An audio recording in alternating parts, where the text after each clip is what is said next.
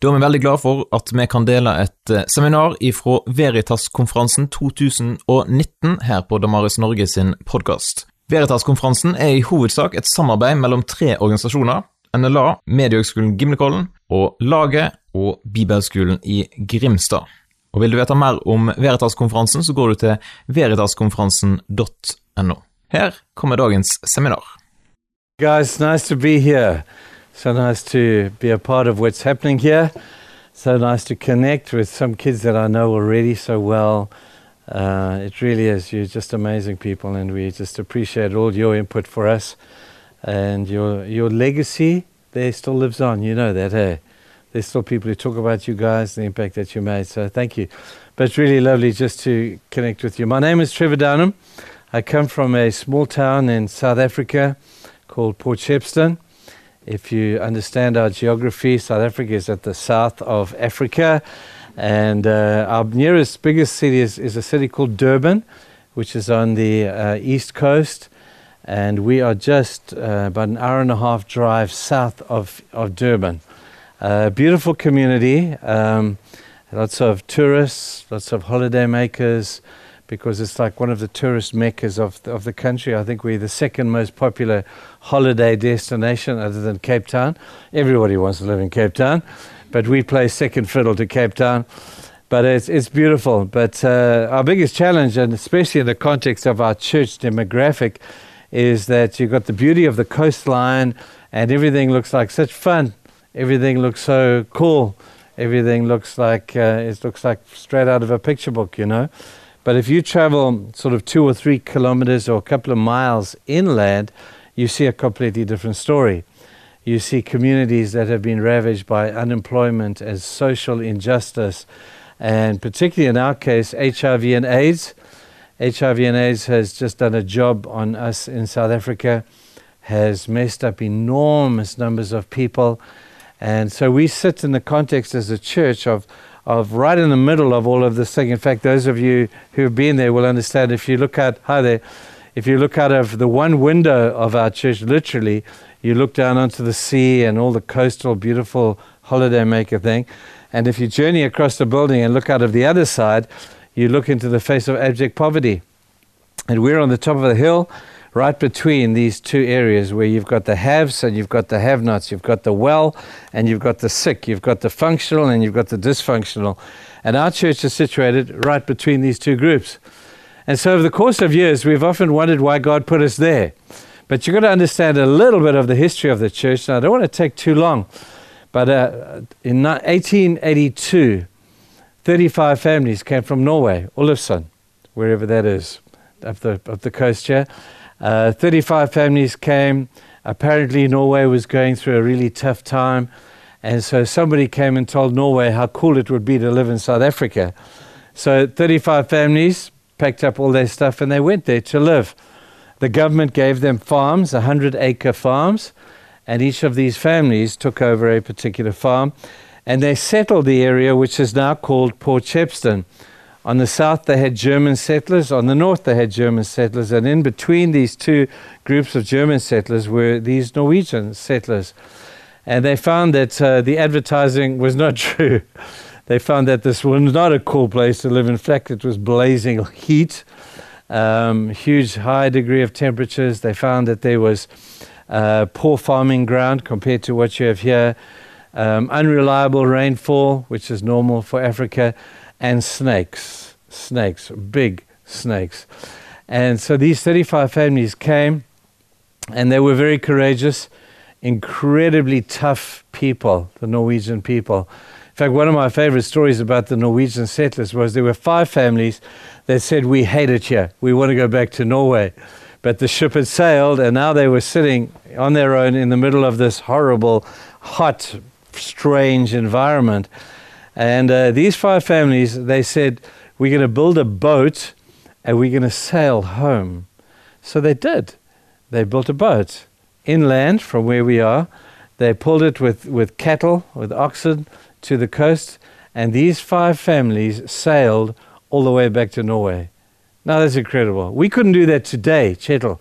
Even with all the advanced stuff that we have, but a hundred and something years ago, these five families said, We're sick and tired of being sick and tired, and we're going home.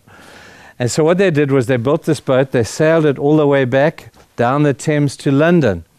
They deposited the boat in London and they caught a ferry from England across to Norway and they came home again. Amazing how tough these people were. That boat is in a London museum right now. It's called Homeward Bound. You can go and look at it. That was by five, five families from Norway. Just, we wouldn't think, we would never think to do something as courageous as that. So we have a wonderful heritage. The families that came from Norway, the first thing that they did was built a little church. It's a little chapel. It seats 120, 130 people. And that was the, before they built their own homes, these people built that little chapel as an indication of their, their belief that God was with them, honoring God first in all things. And that became the center of this community. It still stands today. Now, when they built it, there was nothing around there. Now we have a small industrial area near us. The church still has a, this hundred acres of ground that they would have, they called it glebe lands, you would understand that term. And now alongside it has got all the beauty of the coastline I've told you about. But outside on our very doorstep, we have what we call informal settlements. I don't know if you you know that. It's a term used for people who have nowhere to go. They have no education. They have very little food. They have uh, a dream that they can come to the city and find work, but when they get to the city, they find there's no work. So they establish these informal settlements, and we have thousands of families who live on our doorstep in abject poverty. And then when HIV and AIDS hit, you know, we lost thousands and thousands of people to this terrible disease, and it took out mainly the group of people between the age of 16 and 25. That age group of men and women were just wiped out. So you found teenagers, 16 year old teenagers, raising their siblings, having to be a mom, having to be a help, having to feed the kids, having to go to school, having to run a house where you didn't have a house, you built your own. It was just horrific. And it still is a lot like that. But it's into this context of depravity and poverty and crime and drug abuse and gang warfare and sex trafficking. And it's in this context that our church exists. Now, if you go there, you could, you could, you could not, you may not see it until you get beyond the veil, and you see behind the veil to the the tragedy of what HIV has done. Also, we're still living out the legacy of the apartheid time, the injustice of apartheid, all of that that brought with it, the history of of um, the whole injustice. Now, people weren't educated. Um, there was it was just a mess, just a mess and then our church. One day I preached a sermon in our church that offended quite a few people, but I always tend to, tend to do that quite a bit. But this offended the people. I said to the church one day from, from our point, and the church was small, man. There were only then about 100, 120 people in our church. And I said to the church, if our church was uplifted from this community overnight, if overnight the area around our church woke up and we were not there, how long would it take the community to know that we were gone? Would they even know that we were gone? And we had to get honest with ourselves and say, no, we didn't think they'd even know that we were gone. They wouldn't even care if our church was not there. And that, that just traumatized me. I thought that shouldn't be like that.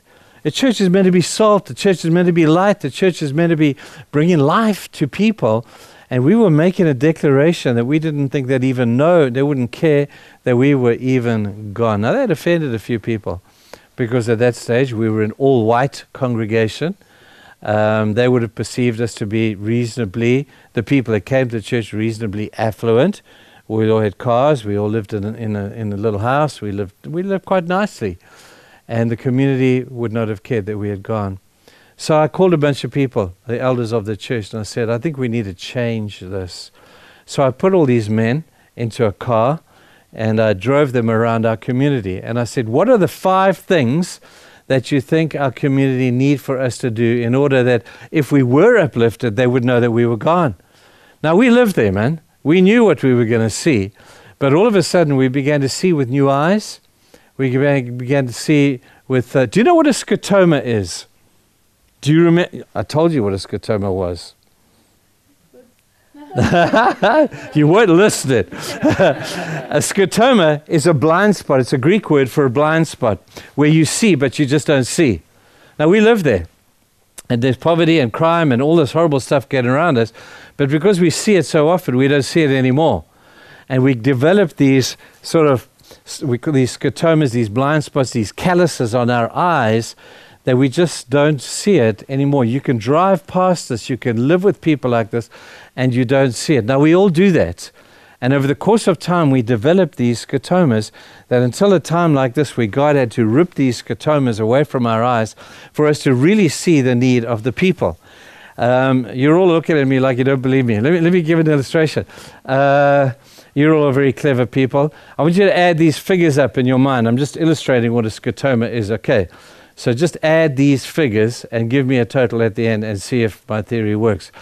Add a thousand plus 40 plus a thousand plus 30 plus a thousand plus 20 plus a thousand plus 10. What do you got? 5,000. How many of you say 5,000? Come on, this is simple maths, people. this is a simple maths. The simple math. Let me do it again. Hi there, coming in. 4,000 plus a 1,000 plus a 1,000. Uh, sorry, uh, start again, start again. 1,000 plus 40 plus a 1,000 plus 30 plus a 1,000 plus 20 plus a 1,000 plus 10.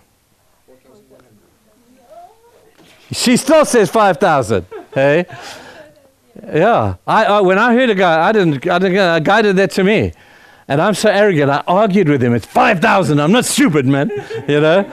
And then I ended up on a piece of paper, and it was 4,100. Don't feel bad. It's just a scotoma. You see, but you don't see. Simple mess. Now, we live in that context where we see, but we just didn't see anymore, you know? She's still not convinced. you better help her. it's 4,100. Anyway, we, we sat down and we said, well, what can we do?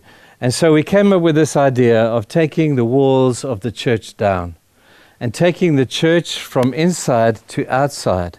And so what we did was we began to realize that we didn't realize we were doing this at the time. It wasn't a conscious decision. But over the course of time, as we look back, we suddenly realized what we were doing. We were telling people, for many people, church is what happens for an hour or an hour and a half on a Sunday morning. We go to church and we sit there, we sing a couple of songs, and then we have some old guy like me who stand up and waffle at you for an hour and a half, you know, and, and we think we've done church. And we've done church an injustice when we think like that because church is not what happens in a building. Church is not what's happening inside here for an hour and then we leave church. We are the church. And so, church for us is what happens in the community 24 7. People caring for one another, people responding to one another's needs, people taking away the prejudices that we have so easily acquired over the course of time. It sounds simple, um, it is simple, but it's certainly not simplistic. It's been a rough journey. It's been an interesting journey where we're trying to say to the church that the reason we exist is not so that we can sing songs, pray prayers, and listen to sermons. That's nice, but it's not what God wants for us. The reason the church exists is for the unbelievers. We're the only organization in the world, I'm sure you've heard this said before, that the church is only is the only organization in the world that exists for its non members. And so we had a job to do. And so we began these projects, but it began very simply, where it always begins before you start going out into the world. You've got to change your own mind, you've got to change your own heart about the stuff that's going on around. And it's sometimes very uncomfortable. In our context, it happened to me. And uh, there was a young man in our church, a 26 year old young guy, who, who contracted HIV. And his parents came to me and said, Would I visit young Craig, was his name. And I thought, What am I going to say to this guy? You know, I was a young pastor then, this is 20 odd years ago. And, uh, and I, I, thought, Well, okay, I'll, I'll, go and visit him. Anyway, I visited this young man as he was just coming into the, the, the, the sort of terminal phase. Now, in our country, there were no HRVs, There was no specific care for people dying of AIDS. Here in your community, you'd probably have 0.01% of Norway are HIV positive. In our area, more than 50% of the people are HIV positive. That's more than half the people have got the HIV virus, which means in the, in the olden days, going back seven or eight years, that if there was no cure for AIDS, you were dead in five years. Now we were reaping that already.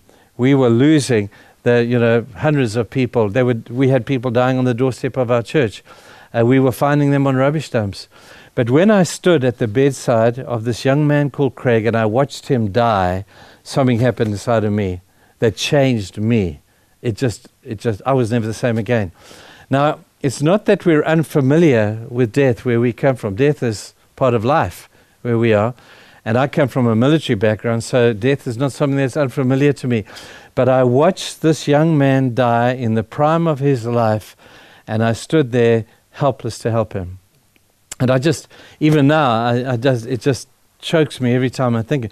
I stood there with this kid, his, uh, and the doctor. We were the only two in the room and he's lying in the bed and his eyes are big and he's, he's crying out to me. He can't breathe. The HIV is just, uh, the pneumonia has got his lungs and he's crying and saying, Trevor, help me. Trevor, do something. Trevor, I'm dying, dying. Trevor, help me. And I, I stood there and, and I couldn't help this kid. I couldn't do anything. And it broke me. And I tried, I prayed and I shouted at the devil and I commanded him to be healed. And, and the guy died, man. Yeah. And I left from that hospital a broken person. For about a week, I couldn't function, you know. Went back, and it just, it just shattered me. And then I began to realize that God might be saying something to us. And so our journey began.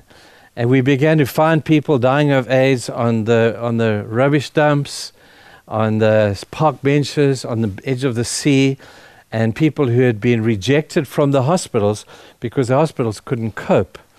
So we came up with this idea of starting a HIV palliative care hospice type of thing. And I went to our church council and I told them I need a piece of land. Can you give me a piece of ground? I want to build a house. I want to put people in here who are dying of AIDS. Anyway, the church gave us five acres of ground and we built our first ward. Um, and we, we literally put a brick in the ground, and God brought other people along who helped us to build this thing. And it's now a, a 40 bed hospice unit where people dying of HIV and AIDS and other diseases now can come in and die with dignity. We care for them through to death. And we have this agreement with the local hospitals that they act, we act as a step down facility. Is that terminology you would understand? Where we we unblock the beds in the hospitals of people who are dying of AIDS because they're not going to help them. They can't cure them. They're going to die. And they, instead of blocking the beds, they send them to us. Hi there. Hey, hey I've seen you before and you. How are you? and so we, um, we have the step down facility, and it's all in endeavor, in endeavor to take Christ to the community by meeting the very obvious needs of the community around us. Now, that's our community. It's certainly not like that here. You'd have to be a whole bunch more creative here, but you do have need, needs all the same. They may not be as physical as ours were, but you still have them. And that was the beginning of our journey into this area of taking the church outside of the walls into the community. Some people didn't want to go. Some people were saying, hey, Trevor, nice idea, but we're comfortable here. And in fact, Trevor, if you force us to do this, we'll just leave the church. And they did. They left the church. And they're still leaving the church, even now. People, because this makes people feel uncomfortable, you know. But we've had to dig our heels in, and we've done everything we can to, to meet the needs of both communities.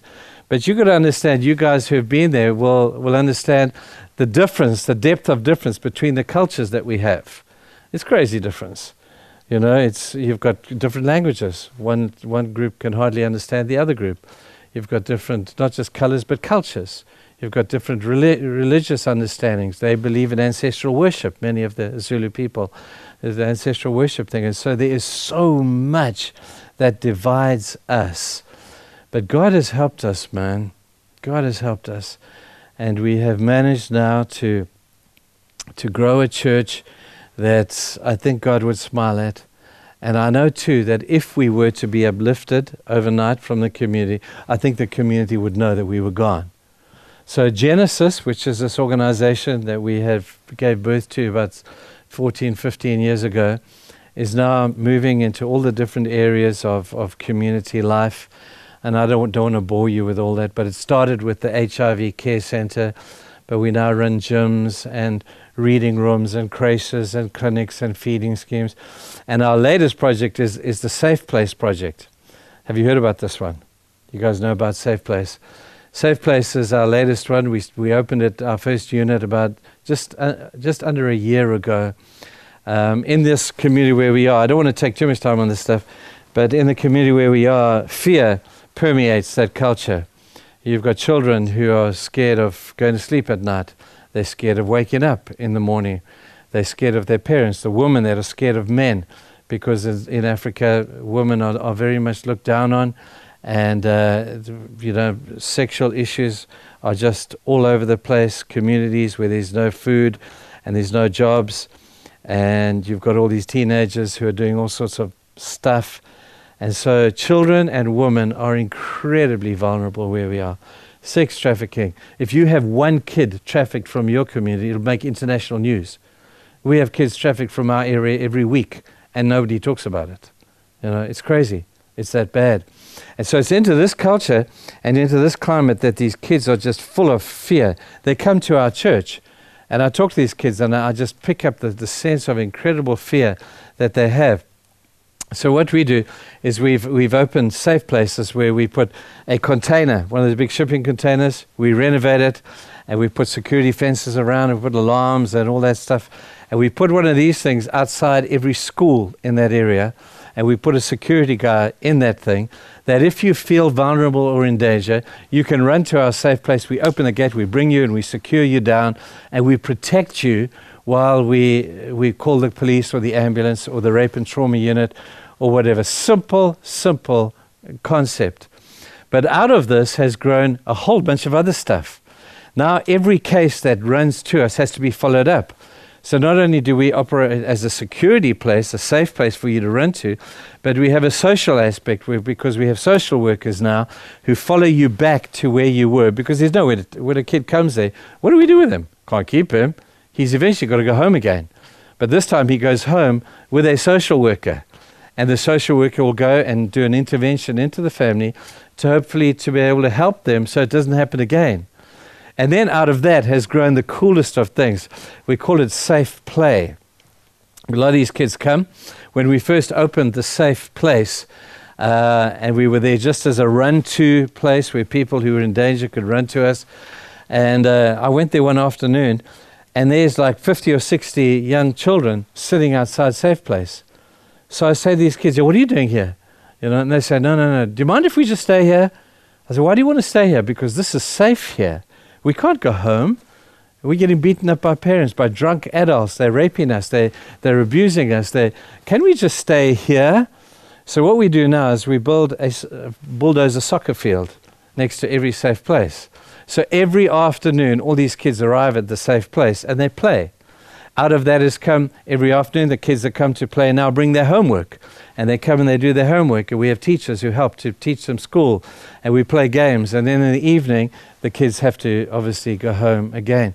But it's just, it's become a haven for children and women. And, and, I, and I could tell you some of the most unbelievable stories that have happened just this last year in our safe place thing. This, in fact, the leadership summit. The, I don't know if you're familiar with global leadership. They chose us as their project for the year, and they came and made a movie about safe place. And we were in South Africa the feature on this movie um, for the global leadership summit. They used safe place as, as that. So it was. It's it's the most remarkable project, impacting lives, changing people and taking Jesus into this community. That's what we want to do.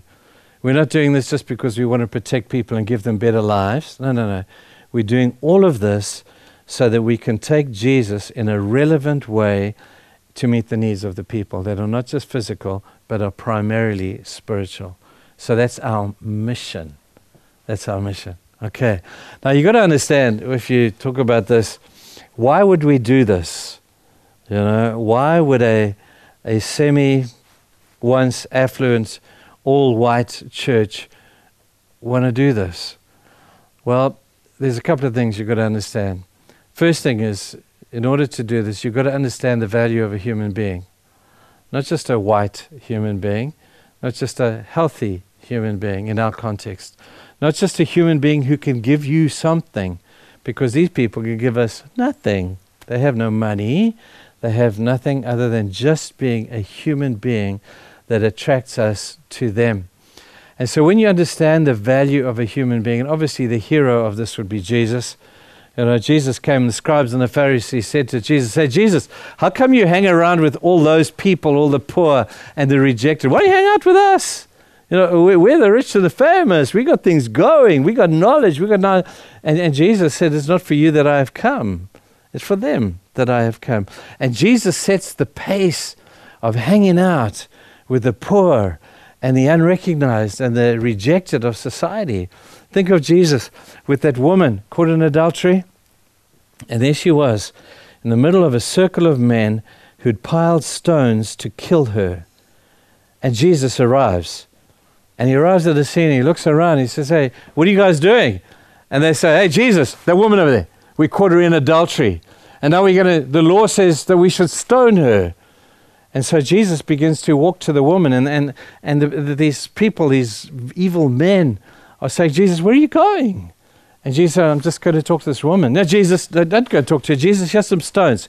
You can throw stones at her as well, like we're about to do. And Jesus walked up to this woman who was ready to die for what she had done. And it's funny that it was only the woman that was caught, never mind the man. But uh, and they were about to kill her. And Jesus' heart broke for this woman rejected of her family, rejected in society. And Jesus understood the value of that woman. Jesus, when a leper came to him one day, remember that leper? And the leper came and they were going to stone him too, because that's what you did to lepers. If they came in, you didn't touch them, you didn't get close to them, you stoned them, and then you would tie a rope around his leg and you'd pull him outside of town. You wouldn't go anywhere close to him. That was until Jesus arrived. And a leper came to Jesus one day and said, Jesus, can you heal me? And everybody saw he was a leper. They formed the circle. They're going to stone him too.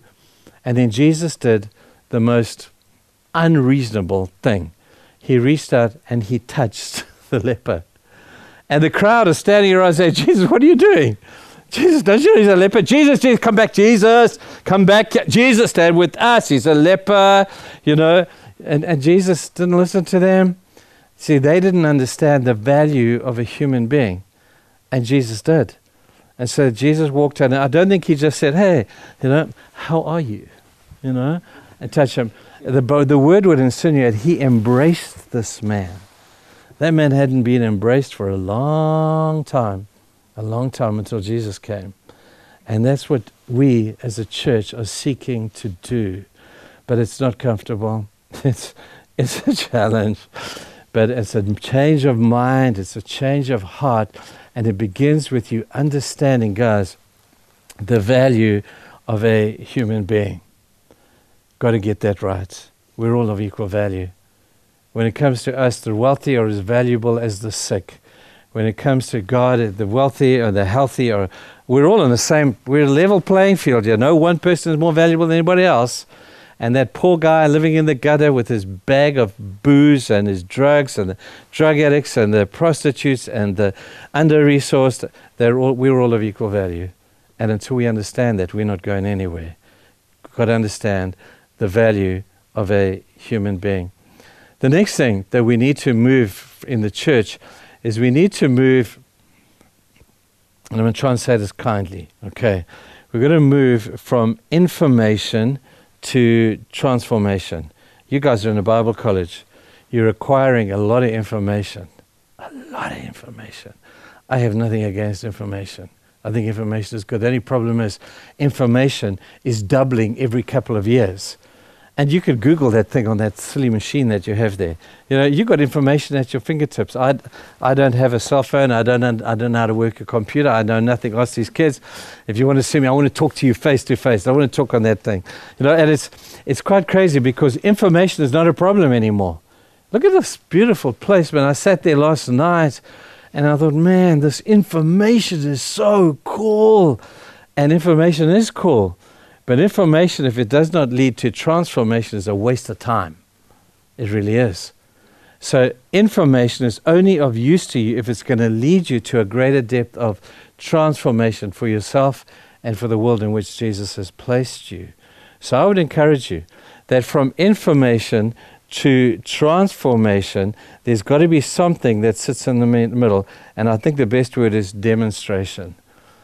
From information to get to transformation, there's got to be demonstration between the two. You've got to demonstrate that you know some stuff. That's where the rubber meets the road. And I think that's the greatest challenge of the church. I don't know about your country, but in our country, plenty of information. Information is all over the show. But I don't see too much transformation because it's got stuck in the four walls of a building. It's got to get out of the building. And so, figuratively speaking, we got to break these walls down and invite the congregation to take church to the people. If people don't come to church, we don't care. We'll take church to the people. And this is how we do it. So, those are some of the thoughts. If, let me stop there and ask if there are any questions at the moment before I sort of continue. Any thoughts on that? Okay, let me carry on.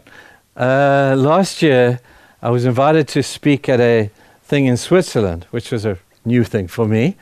Uh, there was a, a, youth congress over there, and for some reason, they invited me to speak to these kids, you know, and I was felt very privileged. But the subject that they gave me was sustaining stuff. How do you sustain momentum now, for us as Christians, obviously, we have, I don't want to despiritualize this thing because obviously the Holy Spirit is the power within us that, that gives us the ability and the energy and the resource to be able to go out there. But something's got to happen in your mind because when you hit trouble, and trouble will come, it's just a matter of time.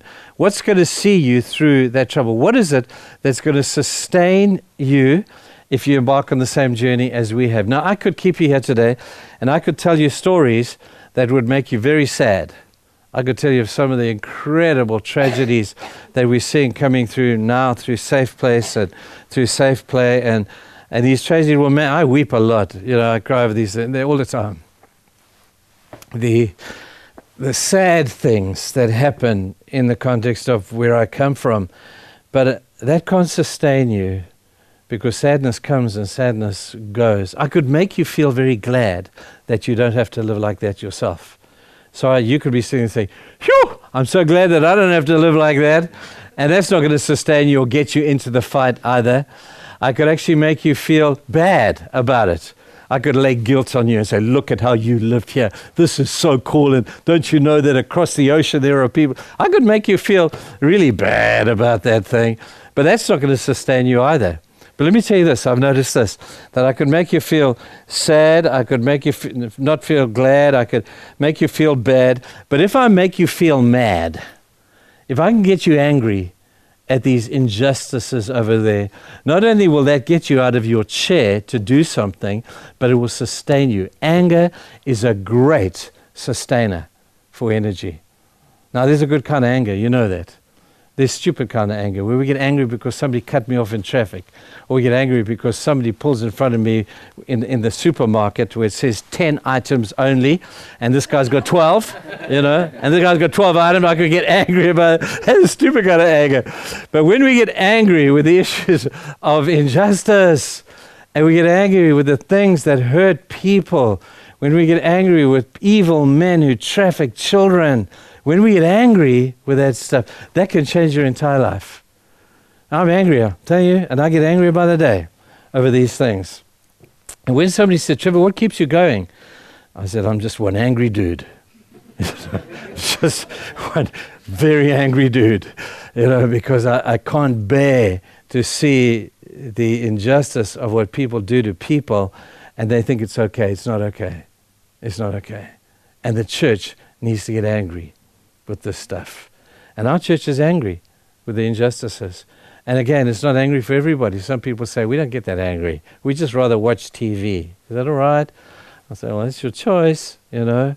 or you can get involved in this movement that we believe that we are generating right now to right the wrongs of the past. And, and we, we realize we're not stupid to think that we're going to win. We're not going to win this thing. We're never going to win. But we'll win it for ourselves, you know, the change of our own hearts. And even then, you know, you look at why did Jesus come to this earth? Because Jesus, man, he's God. He could have fixed this place. He could have come down here and he could have fixed it. He could goes, right, I'm going to make this government do that. I'm going to get this. And there's going to be no more poverty, no more crime. There's going to be no drug abuse. There's going to be no more suicide issues. You know, Jesus could have fixed it because he's God. He could have done that. But Jesus didn't do that. He didn't fix it. He just came and he walked with people in the midst of the mess of life. That's our role. We're not there to fix it. We're there to do what Jesus did and to walk with people through the mess that this life has thrown at them. And when you take that fix it mentality away, it leaves you with a whole lot of energy to do other good stuff. We want to fix everything. I wanted to fix Craig on the bed, dying of AIDS. I wanted to fix it. I couldn't fix it. So I realized my role was just to walk with this kid into the next life and be affected and challenged and changed myself in that process. So avoid the thought that you have to try and fix this thing. I think, too, and I'm trying to say this with the deepest respect because it applies equally in our country, I think our churches are bored. I think our churches are bored. That's why I love this generation here, because you're millennials or you're Generation Z or whatever. My generation, I've waste, I, I don't waste too much time on them anymore. They're not going to change. They're not going to change. But amongst the young generation, this youth generation that you are part of, guys, this is the generation that wants something to do. They want to. They don't want to sit in a building and listen to sermons. And I grew up in the generation when you did, you know. And we sat, we listened to sermons, but it didn't, lots of information, but no transformation because there was no demonstration. Your generation is a generation that wants to demonstrate something, and you have the power in this generation here to change the shape of the future of your country. And I do a lot of speaking at kids' teenage conferences. I tell this is where I want to pour my energy. My last days, and I'm an old man now, but my last days have got to be invested in the generation that want to do something. Don't just sit and listen and sing songs and pray prayers. I have nothing against that, but if that is all you have to do, no wonder we are so bored. And the church should be a place that is, is so full of life. A church should be a place where people are meeting the needs of other people. A church should be a place, if I got it wrong, please tell me. But a church should be a place where Jesus is glorified because people are doing what Jesus would do. I think you're plainly bored. And this generation are not afraid of a challenge. They're not afraid of stepping outside of the wall and doing something that will eventually make a difference. Are you, So good. What happened when, when you did this? Because you're not hundreds of people anymore in, in your church. Yeah. Do you have time for that now? Maybe not.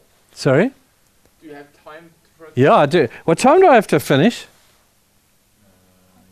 How fast? I've got 20 minutes. 20 minutes. So let's play. Sorry, ask your question again. What, what happened in your church when you did these changes? Mm. Because you're not 100 people anymore. You're Thousand people, yeah. lots of people. And it's Yeah. not a white church anymore with all kinds of people. Yeah, yeah. I, I wish I had an answer. Hey? I don't know why. I, have no answer other than you know. And the beautiful thing about it is, we never sat down to d- decide we're going to change. We just changed, and we look back now after 10, 15 years of this, and we think, what happened here? What happened? And we are, the only answer we have is the fact that God brought about this change because the church, you must know, is a supernatural entity. We're not the Rotary Club. We're not the Lions Club. We're not some do gooder club where we have a little charity thing going. We are a supernatural entity. And we have a supernatural God who, by the power of the supernatural Holy Spirit, does stuff in us and through us. And you only know that He's doing it when you look back. People often say, What's the vision of your church? I went to a, a, a leadership conference. It was so embarrassing, so embarrassing. Uh, there's a big conference, and there's a man there who's the speaker at the conference, and he knows me. Anyway, I'm sitting there and I'm just, my mind is wandering all over the place. And he's talking about vision and setting goals and having plans and strategies and all that. And he saw me amongst all these people. And he said, Hey, Trevor, stand up and tell us. Your church must have had a great vision and you must have set great goals and had wonderful strategies and plans. He said, Because look what's happened in your church. Tell us what happened. I was so embarrassed.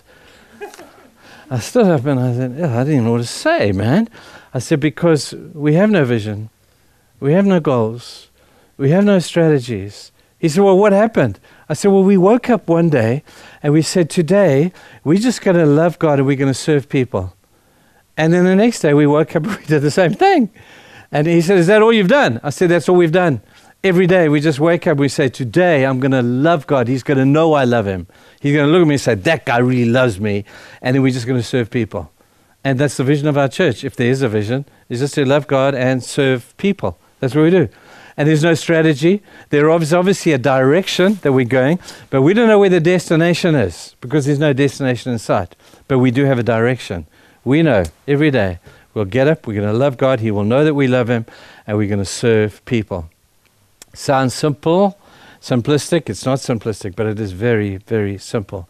And so we do sit together and say, hey guys, you know, how are we doing? You know, there, what do we need to move this ship forward? You know, what do we need? So it's not like we just blindly wake up every day and, and we, we're not uh, sort of cognitive about some of the stuff that's happening. But in our hearts, we just want God to look at us and say, man, those people really love me. And I know they love me is because they love one another and they serve their community.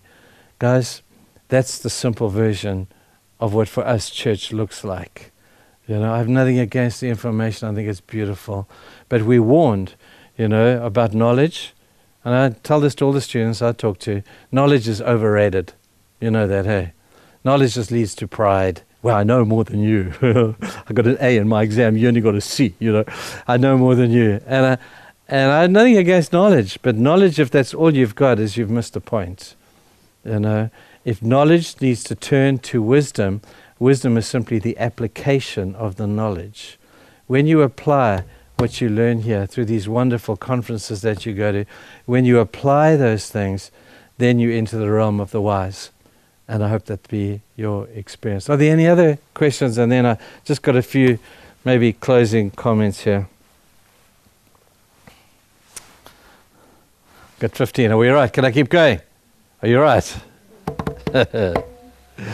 all right. So we've spoken about boredom. Um, Let's talk about this. Um, um, I just said to you, knowledge is a little bit overrated. Please don't take me wrong, knowledge is good as long as there's application. But I think, too, we need to talk about success.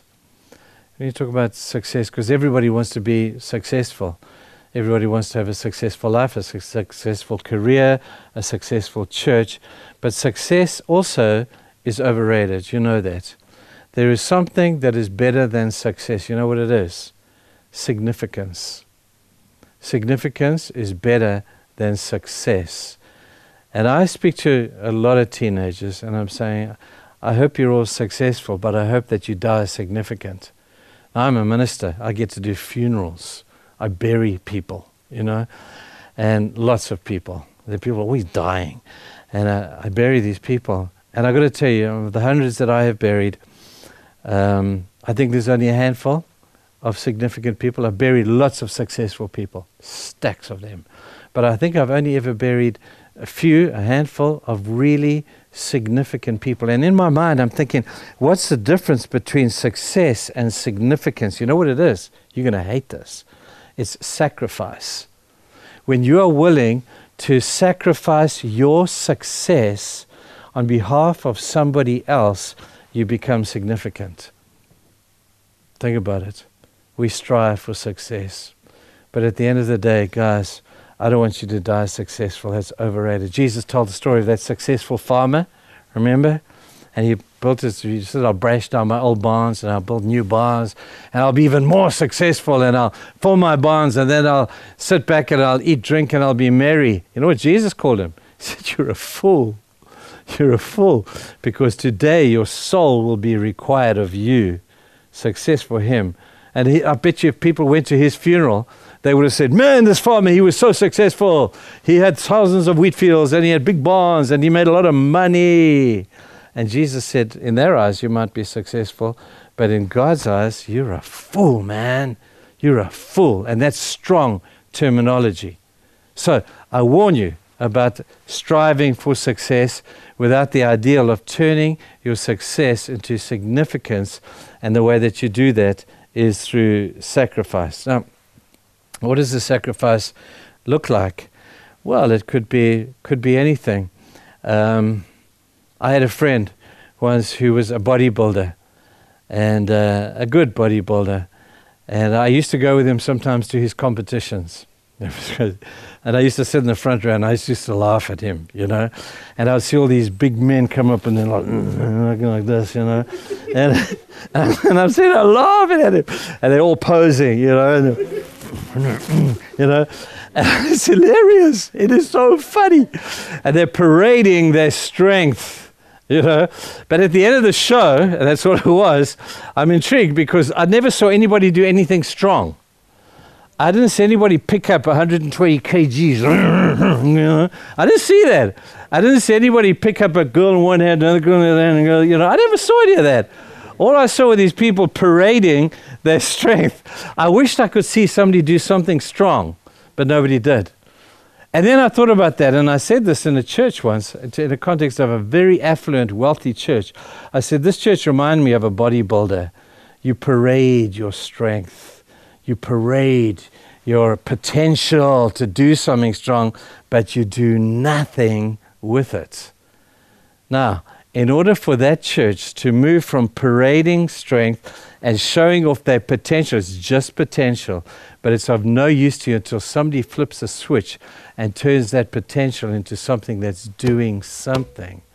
So I would encourage you, young people here, to build a good life build up a good career and a good future, but never do it at the expense of saying, God has given me this ability. I'm going to sacrifice this. I'm going to sacrifice this for the cause of a kingdom far bigger than my own. I'm going to cause this, I'm going to sacrifice this for a cause that will lead me for the legacy forever. That's why I love Psalm 23. You know, Psalm 23 ends. It says, And goodness and mercy will follow me all the days of my life, and I will dwell in the house of the Lord forever. Forever is a long time. We live with short, memories. Forever is a long, long, long time. And we tend to live this life as if this is the only life we're going to live. Ah, oh, people, get with it. You know, this is just a dress rehearsal for the real deal you know. But how you live this little life here, your, your 80 to 100 or whatever years you get to live, in the light of eternity is that long and it's gone. Solomon says, a blink of an eye, it's a shadow. Now you see it, it's gone. It's like a wisp of smoke, he says. You see it, then it's gone. That's what your life is like. But how you determine how you live, this will determine how you live forever. That's a long, long time. So you better live this really well if you want to live forever equally well. But the trouble is, we're so physically oriented that we want to live according to things that we can see. There's a supernatural dynamic to life you know, and we've got to be able to see and live this life in light of eternity, of that life which is still yet to come. Remember, Jesus told that parable. It's a frightening parable about the steward and uh, the king went away and he called his three stewards, his three servants to him. He says, Hey guys, I'm going away. I'm going to give you some money and I want you to invest this money. And when I come back, can you give me my money back with interest to see what you've earned? So he calls the first guy and he gives him five million krona. Okay. The guy walks on, he says, Go and invest this, bring it back to me. Gave the other one two million and the last one one. And then on the day that he came back, he called these guys to account. And the guy who had five million said, Hey, King, you don't, you'll be so proud of me. You know, you gave me five. King, I'm going to give you 10 million back. And the king said, You're my man. Get over here. I'm going to reward you forever. And same with the guy who had two million. And then the last one, he only had one. And one million was still a lot of money. It wasn't nothing. It was still worth investing. He could have come back with something. He came back with nothing. Now, that question that Jesus asks of that man is, What did you do with what I gave you? haunts me. It haunts me. I have sleepless nights over that stuff because I know that one day I will stand before God. He's going to say the same thing. I don't want to frighten you, but I do want to frighten you because we're all going to stand before God one day. And He's going to say, Marita, what did you do with what I gave you? Hannah, what did, I, what did you do with what I gave you? Did you invest it well? Did you use it well? Or did you use it for yourself? and make up a nice, successful life so you can have a nice funeral and people say what a nice person you were, you know? Or did you use it for the purpose of the kingdom? You know, we all get to tell our stories before God one day. You know that, eh? Like those three guys said, the king said, Tell me a story. And the guy said, Oh, king, you gave me five minutes. I've got a great story to tell you. I took this, I invested, I did that, man, I got, I lost a bit here, there, gained some more there, king. I've got a great story to tell. and then the last dude came and he had nothing to say. And the king cast him into outer darkness. Why couldn't he just say, Oh, I'll let you come in here, but you sneak in by the skin of your teeth? He didn't say that. You know? He says, What did you do with what I gave to you? Now, as I'm standing here looking at you, amazing young people, God's given you a lot, eh? And to whom much is given, you do know that much will be required. So I hope you're going to take it really seriously that one day we have to tell our story to God, and I hope we have a good story to tell. It doesn't have to be a perfect story, you don't have to win at every point in the story. You just got to have a good story to tell. Psalm 23 ends with this thing. That's where I was talking about. It says, And my cup overflows. You know, my cup overflows. That's the cup of God's blessing. Successful people just get a bigger cup. You know, significant people let it overflow. When your cup is full, let the rest overflow. He says, Goodness and mercy will follow me all the day because I have a full cup. I have got a full cup and I'll let the overflow. Have you ever seen those um, things they have at weddings sometimes? Those, those glasses, they put them all on top of each other and the guy fills the top glass and then as that one overflows, it flows down into the next glass, that one overflows until all of them are full. That should be what your life should be like at the end. That God poured into me at the top, but I only had one cup and it was only a certain size. But everything over and above that which He gave me has overflowed into the lives of the people around me. That's why He says, and goodness and mercy will follow me all the days of my life. You see, something's following you. Look behind you. You know, for people who are significant, goodness and mercy follows them everywhere they go. Goodness and mercy is the outflow of a life that is committed to God and loves to serve people, and it's goodness and mercy. Some people I see, as they look behind them, they just see trauma by following them, and they see sadness following them because they keep messing up, you know. You don't want that to be said of you. Goodness and mercy follow you wherever you go. You look behind, there's goodness and mercy leaving behind all the days of your life. And then you can live in the house of the Lord for how long? Forever. I'm done. And I'm five minutes short, but I think you've had enough. Okay. All right, guys, thank you so much. But are there any last minute questions? I've got two minutes if you want to ask a question. Are we okay? Can I just pray for you? That'll be all right. Father, this has been such a privilege.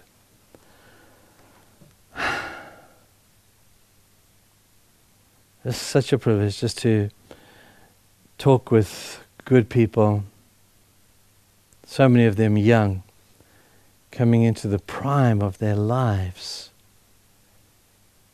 Lord, I don't want these young people to mess up and to waste their lives on things that at the end of the day don't count. I pray, Lord, that they would understand the value of a human being, not because they're wealthy and are able to give us something, but simply because they're human beings. Pray, Lord, that these young people would get mad at the issues of injustice, that they'd get angry with the rubbish that they see going on in the world around them. And even though they live in this most beautiful place, wow, Lord, this is a beautiful place. I pray that their minds would be moving towards those that don't live quite like this.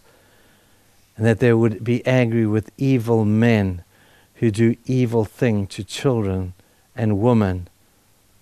That they would get angry with the issues of depression, the issues of injustice, and the issues of, of trafficking, and the issues of, of just dysfunctional life.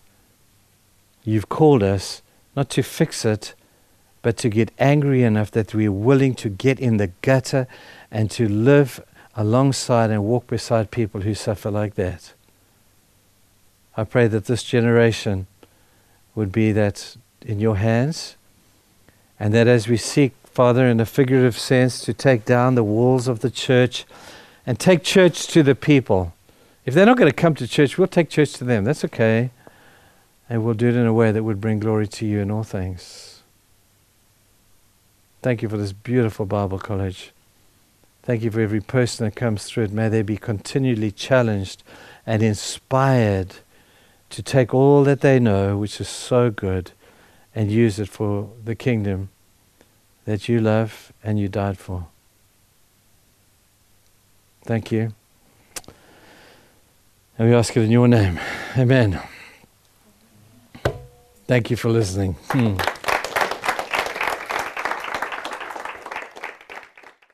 Takk for at du lytter gjennom dette seminaret her. Og Skulle du ønske at flere fikk med seg det gode innholdet, ja, da kan du jo faktisk dele seminaret med noen, eller tipse dem om seminaret i sosiale medier. Vi setter jo veldig stor pris på om du har lyst til å skrive en anmeldelse av Damaris Norge sin podkast på de ulike podkastplattformene. Da hjelper det oss å løfte podkasten opp, sånn at flere får nytte av den. Jeg vil også nevne at eh, du kan ha mulighet for å kjøpe diverse bøker via nettsida snakkomtro.no, der flere av de som eh, var med på Veritas-konferansen, har sine bøker tilgjengelig der. Så sjekk ut Snakk om tro, og kjøp gjerne ei bok eller to.